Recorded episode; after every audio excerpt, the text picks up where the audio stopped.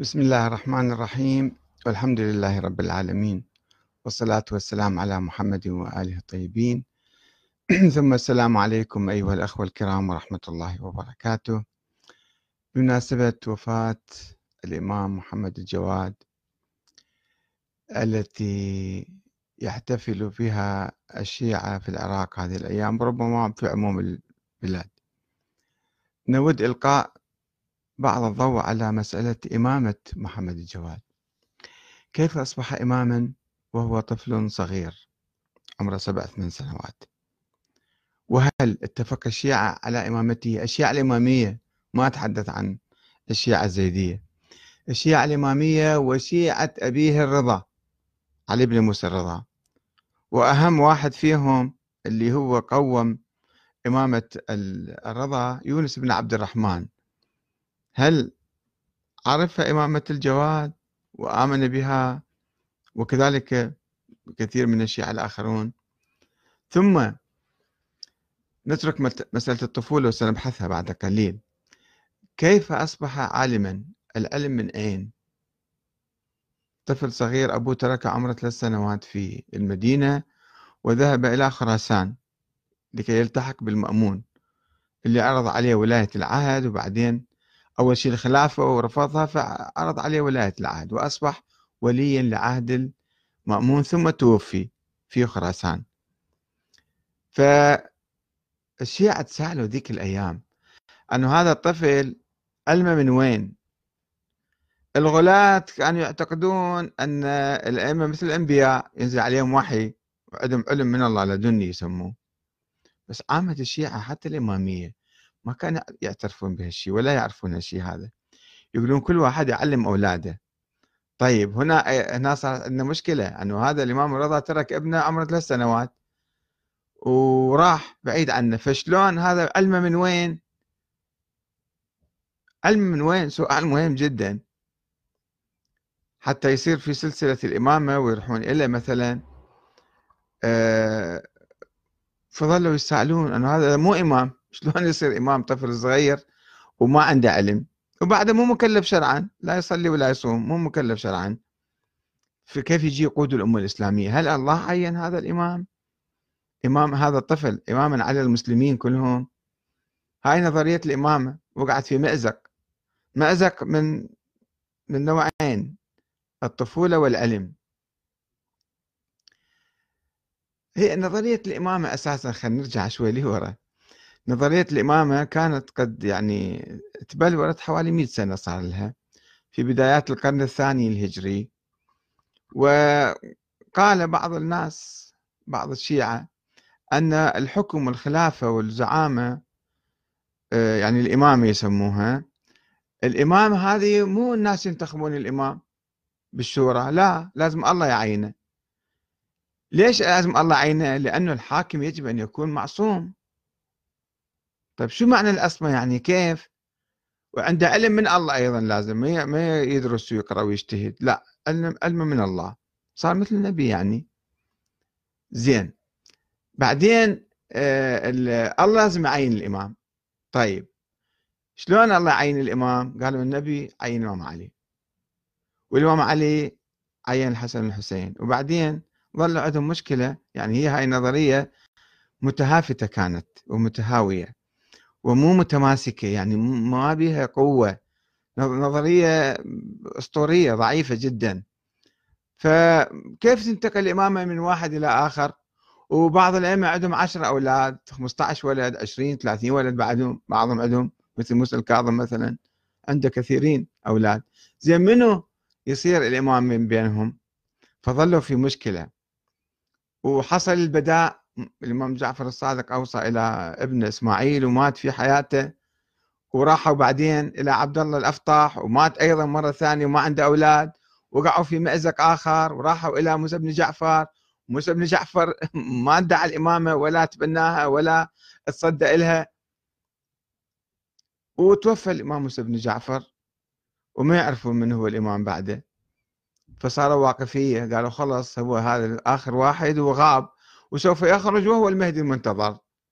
ذول الواقفية. وما آمنوا بإمامة الرضا لأن الرضا ما كان عنده أولاد. قالت شلون يصير إمام ما عنده أولاد؟ شلون الامامه راح تستمر بعدين؟ مثل قصة عبد الله الأفطح ابن جعفر الصادق. سووه إمام وقالوا بإمامته وثم مات وما عنده أولاد وقعوا في مأزق.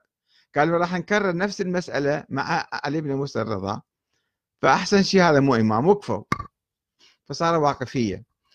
الإمام الرضا عمره 45 سنة يلا إجا ولد.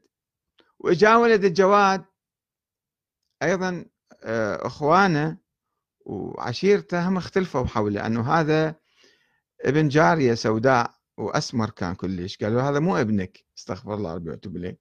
هذا اللي موجود بالتاريخ الشيعي. يعني يعني شيء عظيم يعني هذا.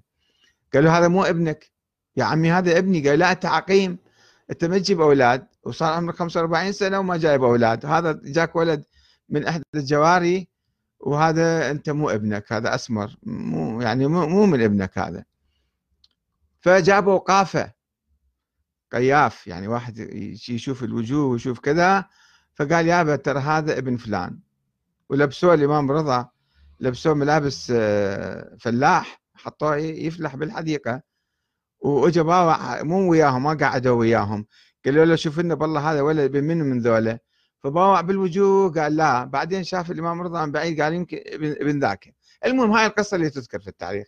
هذه سعبرناها يعني ما نتوقف عندها ولكن طفل الإمام رضا توفى في خراسان وابن الرضا بالمدينة وعمره سبع سنوات. فشلون هذا راح يصير إمام؟ فهنا صارت المشكلة صارت.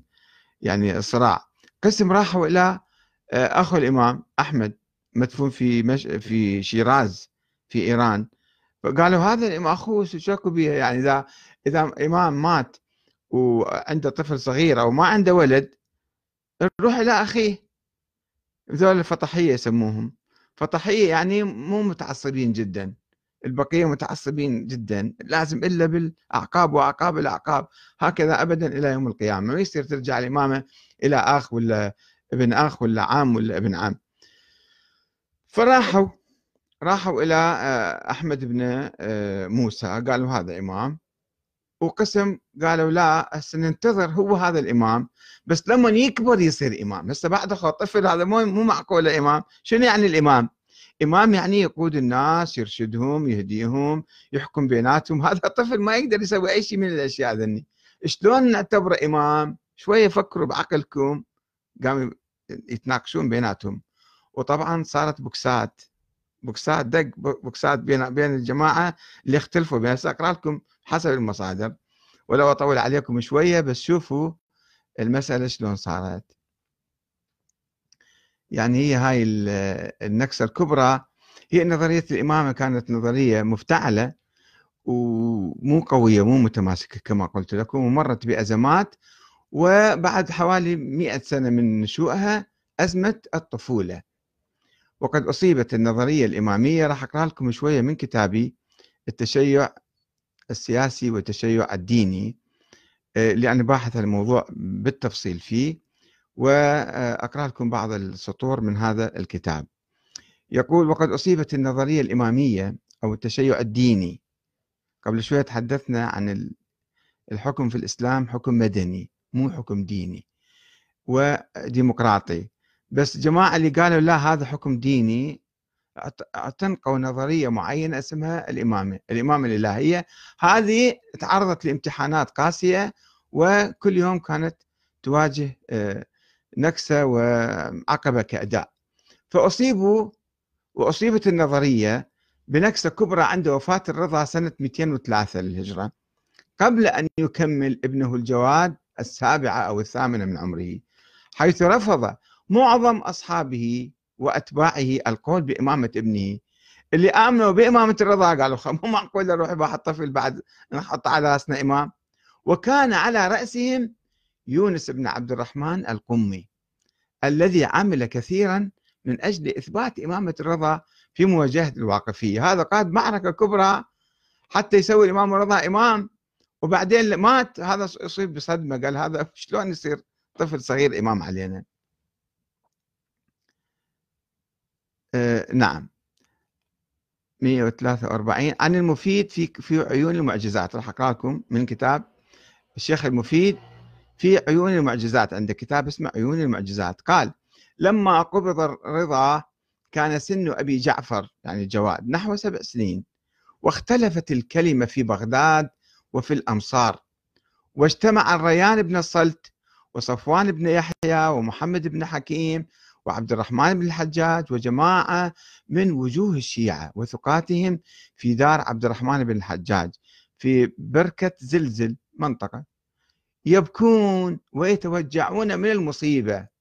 مو مصيبة وفاة الإمام. مصيبة الإمامة قام يبكون على الإمامة. فقال يونس دعوا البكاء. من لهذا الأمر؟ هسه من راح يصير إمام علينا؟ هذا يونس بن عبد الرحمن دي يقول. وإلى من نقصد بالمسائل؟ إلى أن يكبر هذا الطفل؟ يعني أبا جعفر. فقام إليه الريان ووضع يده في حلقه. أنا ضربه بوكس. ولم يزل يلطمه. دق بسط. ليش تتكلم هالشكل أنت؟ ويقول له أنت تظهر الإيمان وتبطن الشك والشرك. شوف شلون متطرف كان عنيف. بسرعة اتهم هذا يونس بن عبد الرحمن اللي هو أحمد أحد أعمدة الرضا. يقول له أنت تبطن الشك والشرك. كفر للرجال إن كان أمره شوف العقلية مالت هذا الرجال. إن كان أمره أمره من الله جل وعلا فلو أنه كان ابن يوم واحد لكان بمنزلة الشيخ العالم شيخ واحد كبير عالم. وإن لم يكن من عند الله فلو عمر ألف سنة فهو واحد من الناس. فأقبلت العصابة يعني الجماعة القاعدين عليه تعذله وتوبخه. إذا تريدون تراجعون أيضا المجلسي في كتاب بحار الأنوار جزء 50 صفحة 99 باب رقم خمسة فضائله ومكارم أخلاقه. ولذلك هذا يونس لما رفض هذا الطفل طبعا هذا منطق شوفوا شلون يعني دي, دي يفترض فرضيات على الله. ولذلك قاطع أصحاب الجواد والعسكري أيضا بعدين. يونس بن عبد الرحمن صار عنده حزب خاص هذا ورفضوا الصلاة خلفه وخلف أصحابه سموهم اليونسية. صار انشقاق بالشيعة اسمه بالإمامية يعني اسمه اليونسية فقد روى الكشي بإسناده عن أبي علي بن راشد عن أبي جعفر الثاني الجواد قال قلت جعلت فداك قد اختلف أصحابنا فأصلي خلف أصحاب هشام بن الحكم قال عليك بعلي بن حديد. قلت فآخذ بقوله؟ قال نعم. فلقيت علي بن حديد فقلت نصلي خلف أصحاب هشام بن الحكم قال لا ذول فريق آخر من الشيعة. هشامية يسموهم. وفي رواية أخرى عن يزيد بن حماد عن أبي الحسن الهادي قال قلت أصلي خلف من لا أعرف. فقال لا تصلي إلا خلف من تثق بدينه. فقلت له أصلي خلف يونس وأصحابه. فقال يأبى ذلك عليكم؟ علي بن حديد هذا كان زعيم من زعماء الشيعة يبدو عليه. قلت آخذ بقوله في ذلك؟ قال نعم. فسألت علي بن حديد عن ذلك فقال لا تصلي خلفه.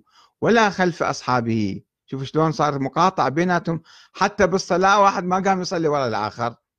هذا كما يذكر السيد الخوئي في كتاب معجم رجال الحديث رقم 7994 والكشي أيضا هذا أحد علماء الرجال في ترجمة يونس بن عبد الرحمن. راجعوا شوفوا شلون صار خلاف بين الشيعة حول هذا الموضوع. وبالرغم من تحدث المؤرخين الشيعة المتأخرين كالنوبختي اللي اجى بعد تقريبا 100 سنة هذا النوبختي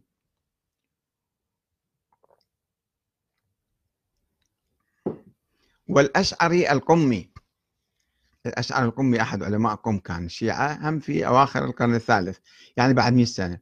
عن ذهاب ذولا تحدثوا عن ذهاب قسم من شيعة الرضا للقول بإمامة الجواد. قالوا أكو قسم منهم قالوا أكو قسم ما آمنوا وقسم آمنوا. فلا يوجد أي مؤشر على كون هؤلاء فريقا يعتد به. يعني فعلا الناس عقلاء كانوا فكرهم سليم صافي معقول يروحوا يتبعوا إمام الطفل. وهذا كان حدث فعلا. يقول يقولون ذول المتأخرين الاثنين اللي واحد فرق الشيعة والآخر أيضا المقالات والفرق عنده كتابه يذكرون أنه قسم من الشيعة الرضا راحوا إلى الجواد. بس مو معلوم إيش قد كانوا ذول الشيعة اللي آمنوا بإمامة الجواد في ذيك الأيام. وذلك لعدم قدرة ذلك الصبي على قيادة الشيعة عمليا أو توجيههم بشيء. وعدم ظهور علامات خارقة عليه كما ظهرت على النبي يحيى مثلا أو النبي عيسى. ذلك أنبياء كانوا.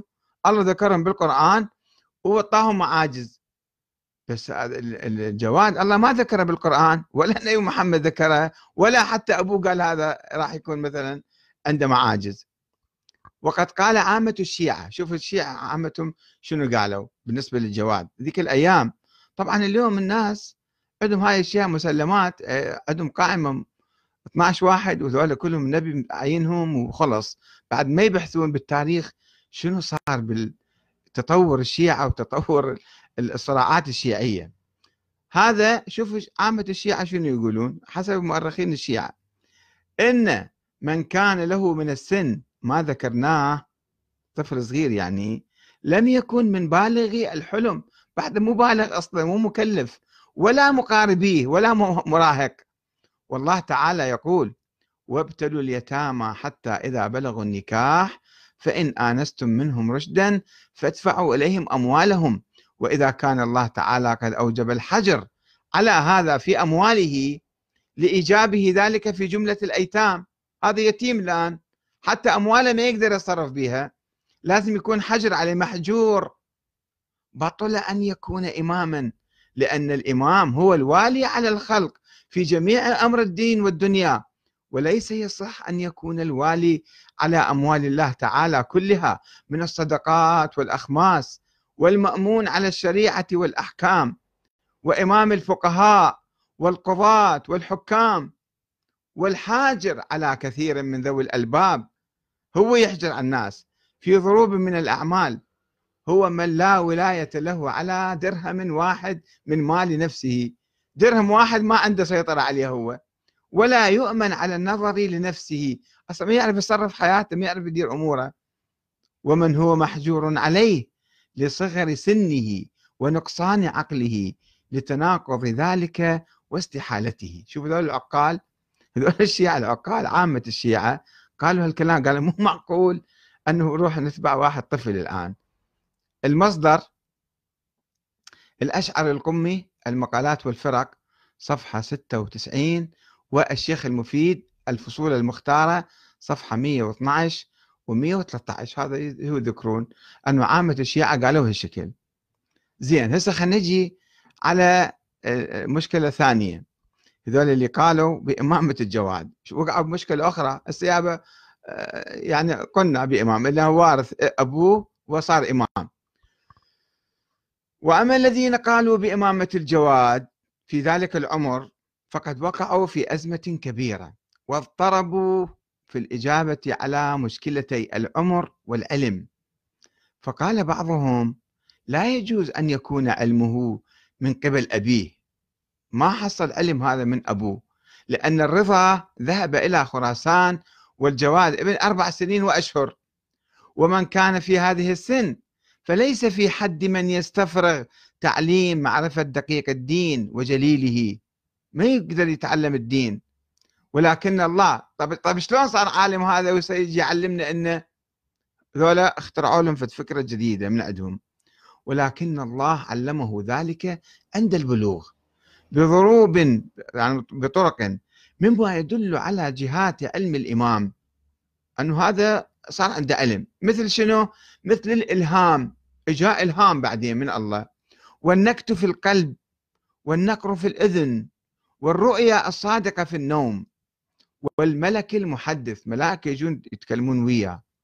ووجوه رفع المنار والعمود والمصباح وعرض العمى يعني قاموا اخترعوا لهم حقيقة يخترعوا لهم يعني أساطير في نظريات خرافية إنه هذا سوى مثل النبي يعني يجون الملك يجي يتكلم وياه هذا مو معقول. وما إلى ذلك مما كان يقوله غلاة الإمامية بحق الأئمة السابقين. دول الغلاة حلوا المشكلة قالوا هذا الإمام يجي عليه وحي من الله ملائكة ينزلون عليه. واستشهدوا بآية من القرآن الكريم تقول وآتيناه الحكم صبيا على النبي عيسى على النبي يحيى. وقالوا كما أعطى الله النبوة ليحيى وهو طفل صغير وكما أعطاها لعيسى وهو طفل صغير. كذلك فلما لا يجوز أن يكون الإمامة أن يعطي الإمامة لمحمد الجواد وهو ابن سبع سنين. وأخذوا يحبكون الروايات عن الرضا والجواد حول إمكانية تولي الأطفال للإمامة قام ذاك الوقت لما وقعوا بالأزمة قاموا طلعوا لهم أحاديث من بطنهم. فرووا عن الجواد أنه قال لمن استشكل في عمره قال له قاموا هم يسوون أحاديث. آه، أن الله تعالى أوحى إلى داود. طبعا هذا قياس. هذا قياس عيسى ويحيى على الجواد أو الجواد عليهم. هذا قياس باطل. ذلك أنبياء الله ذكرهم بالقرآن وهذا ما ذكر بالقرآن. فما يصير إحنا كل واحد الله ذكر بالقرآن نبي عيسى ما عنده أبو نقدر نقول فد إمام ما عنده أبو مثلا ما يصير واحد يقيس. هذا الشيء خاص بالنبي عيسى. فرووا هذا الحديث شوفوا أن الله تعالى أوحى إلى داود أن يستخلف سليمان وهو صبي يرعى الغنم. هذا الجواد يقول. يروون عنا والله أعلم. وقال صفوان بن يحيى قلت للرضا قد كنا نسألك قبل أن يهب الله لك أبا جعفر. فكنت تقول يهب الله لي غلاما الله راح يعطيني ولد. فقد وهبه الله لك فأقر عيوننا. فلا أرانا الله يومك فإن كان كونون إذا متت أنت يعني. فإلى من؟ فأشار بيده إلى أبي جعفر وهو قائم بين يديه. فقلت جعلت فداك هذا ابن ثلاث سنوات. فقال وما يضره من ذلك؟ فقد قام عيسى عليه السلام بالحجة وهو ابن ثلاث سنين. وفي رواية أخرى أن الله تبارك وتعالى بعث عيسى بن مريم رسولا نبيا صاحب شريعة مبتدأة في أصغر من السن الذي فيه أبو جعفر. وقاموا يجيبون أحاديث على هذا الموضوع. ورفض بعض الشيعة هذا المنطق المشحون بالغلو والأساطير. وقالوا إن الجواد قبل البلوغ هو إمام على معنى أن الأمر له دون غيره إلى وقت البلوغ لمن يكبر. فإذا بلغ علم لا من جهة الإلهام والنكت ولا الملك ولا لشيء من الوجوه التي ذكرتها الفرقة المتقدمة لأن الوحي منقطع بعد النبي بإجماع الأمة. فشنو يجي وحي ملائكة ينزلون على الجواد؟ هذا كلام مخالف لإجماع الأمة الإسلامية. وقالوا لا يعقل أن يعلم ذلك أن يعلم ذلك إلا بالتوقيف والتعليم. يروح يدرس يتعلم يصير إمام بعدين. لا الإلهام والتوفيق. لكن نقول إنه علم ذلك عند البلوغ من كتب أبيه. راح قرأ كتب أبيه وتعلم. وما ورثه من العلم فيها وما رسمه له فيها من الأصول والفروع. كانوا شوية منطقيين ذول الجماعة. ولو هذا أم فرضية يفترضوها يعني. وأجاز قسم من هؤلاء القياس والإجتهاد في الأحكام. قالوا خو يصير مجتهد. الإمام الجواد مجتهد مثل المراجع يعني اليوم عندنا. راح درس كذا وتعلم وصار عالم وصار إمام. وللإمام خاصة وأجازوا وأجاز قسم من هؤلاء القياس والاجتهاد في الأحكام للإمام خاصة على الأصول التي في يديه لأنه معصوم من الخطأ والزلل فلا يخطئ في القياس. أيضا فرضية من الفرضيات هذه. 1046 آه هذا يذكر الموضوع النوبختي في فرق الشيعة صفحة 90 زين؟ وقد روى هذا الفريق عددا من الأحاديث دائما ذول عندهم مكائن يصنعون أحاديث. وقد روى هذا الفريق عددا من الأحاديث السرية عن الرضا حول الإشارة والنص على ابنه محمد الجواد. مو علنا محل ما كان يعرف الرضا قال يتحدث عن ابنه فهم قاموا يقول إيه كل واحد يجي يقول إلي يقول لي بصورة خاصة أنه هذا إمام بعدي. وأنه قال عندما ولد هذا المولود الذي لم يولد مولود أعظم بركة على شيعتنا منه. طب شنو؟ ما بيدلالة دلالة على الإمامة بس هم اعتبروا هذا نص على الإمامة.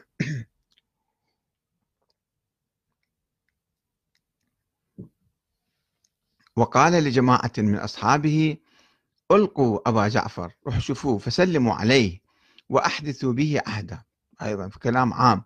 وقال هذا أبو جعفر قد أجلسته مجلسي وسيرته مكاني إن أهل بيت يتوارث أصاغرنا عن أكابرنا القذة بالقذة. كلام. وأنه دعا بابنه وهو صغير فأجلسه في حجره. وقال للحسن بن الجهم جرده وانزع قميصه. فنزعه الحسن فقال له انظر بين كتفيه. فنظر فإذا في أحد كتفيه شبيه بالخاتم داخل في اللحم طمغة عنده على ظهره. ثم قال أترى هذا؟ كان مثله في هذا الموضع من أبي أبوي نفس الشيء عنده طمغة على ظهره. خاتم مختوم. ومع وجود الشك بصحة هذه الأحاديث فإنها لا تحمل معنى الإمامة المباشر المباشرة بعد وفاة الرضا. في حالة الصغر أنه هذا صار إمام بعدكم. وأنها إمامة دينية من الله. هذا كله حكي مصفط إذ يحتمل أيضا أن الرضا طبعا هذا الحديث اللي قرأت لكم إياه قبل قليل آه، أنه ختم على ظهره هذا الكليني يرويه في الكافي كتاب الحجة باب الإشارة والنص على أبي جعفر الثاني حديث رقم واحد واثنين وستة وثمانية وتسعة. آه، يمكن الأحاديث أنه يأمل الرضا كان يأمل أن ابنه هذا يكون في المستقبل بعد طول العمر يكون هو خليفته من بعده حيث لم يكن يعلم بأنه سوف يموت سريعا في عمر السادسة والخمسين. ولكن الإمامية اضطروا للقول بإمامة الجواد. لازم يقولون هذا إمام شو يسوون؟ إذا نظريتهم تخرب تنهار. إنقاذا لنظريتهم من التهاوي والسقوط فوقعوا فيما هو أعظم من التناقض مع القرآن الذي يأمر بالحجر على الأطفال أو ممارسة القياس الباطل على بعض الأنبياء السابقين سليمان ويحيى وعيسى بدون دليل أو ادعاء علم الغيب للإمام. وكان لابد أن يبنوا قولهم على مجموعة من حكايات المعاجز والعلم بالغيب كمعرفة الجواد وهو في المدينة بوفاة أبيه في خراسان في نفس الساعة. عرف شلون صار عنده علم غيب؟ وذهابه بلمح البصر إلى خراسان لتغسيل أبيه وتكفيني. بس عرف, عرف أبوه مات طار إلى خراسان وغسل أبوه ورجع نفس اليوم. ثم عودته إلى المدينة في نفس الليلة لأن الإمام لا يغسله إلا الإمام. فشلون يصير هذا؟ فلازم هو إذا راح وإجى طي الأرض. وقيام عصا كانت في يده بالنطق والشهادة له بالإمامة. فالعودة قامت تشهد له بالإمامة. وإجابته لقوم من الشيعة عن ثلاثين ألف مسألة في مجلس واحد. شلون ثلاثين؟ أحسبوها أنتم. كم دقيقة؟ كل سؤال وكل جواب. كم دقيقة يصير يصير أيام طويلة مو يصير جلسة واحدة. هذا هذه الأساطير يذكرها منه ابن بابويه الصدوق علي بن بابويه الإمامة والتبصرة من الحيرة صفحة 222 والنوبختي في كتاب فرق الشيعة صفحة 86 إلى 90 والأشعر القمي في كتابه المقالات والفرق صفحة 99 والكليني في الكافي جزء واحد صفحة 494 و382 و384 وكتاب الحجة باب الإشارة والنص على أبي جعفر الثاني حديث رقم 10 و12 و13 هذا بالكافي. وباب حالات الأئمة في السن حديث رقم 2 و5 و6 و7 و8 هذه أساطير كلها. ذول جماعتنا الصدوق والنوبختي والأشعري والكليني ذكروها في كتبهم حتى يسوون إمامة الجواد على مجموعة أساطير.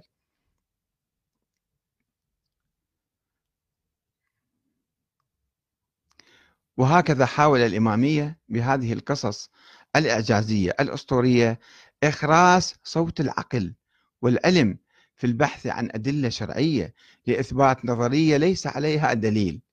هي نظرية خيالية مثالية وهمية ركبوها على أئمة وصاروا يتعاركون عليها. دون أن يكلفوا أنفسهم بعد ذلك عناء إثبات تلك القصص لأحد الأساطير اللي المعاجز يسموها أو يسمحوا لأحد بمناقشتها والتشكيك فيها.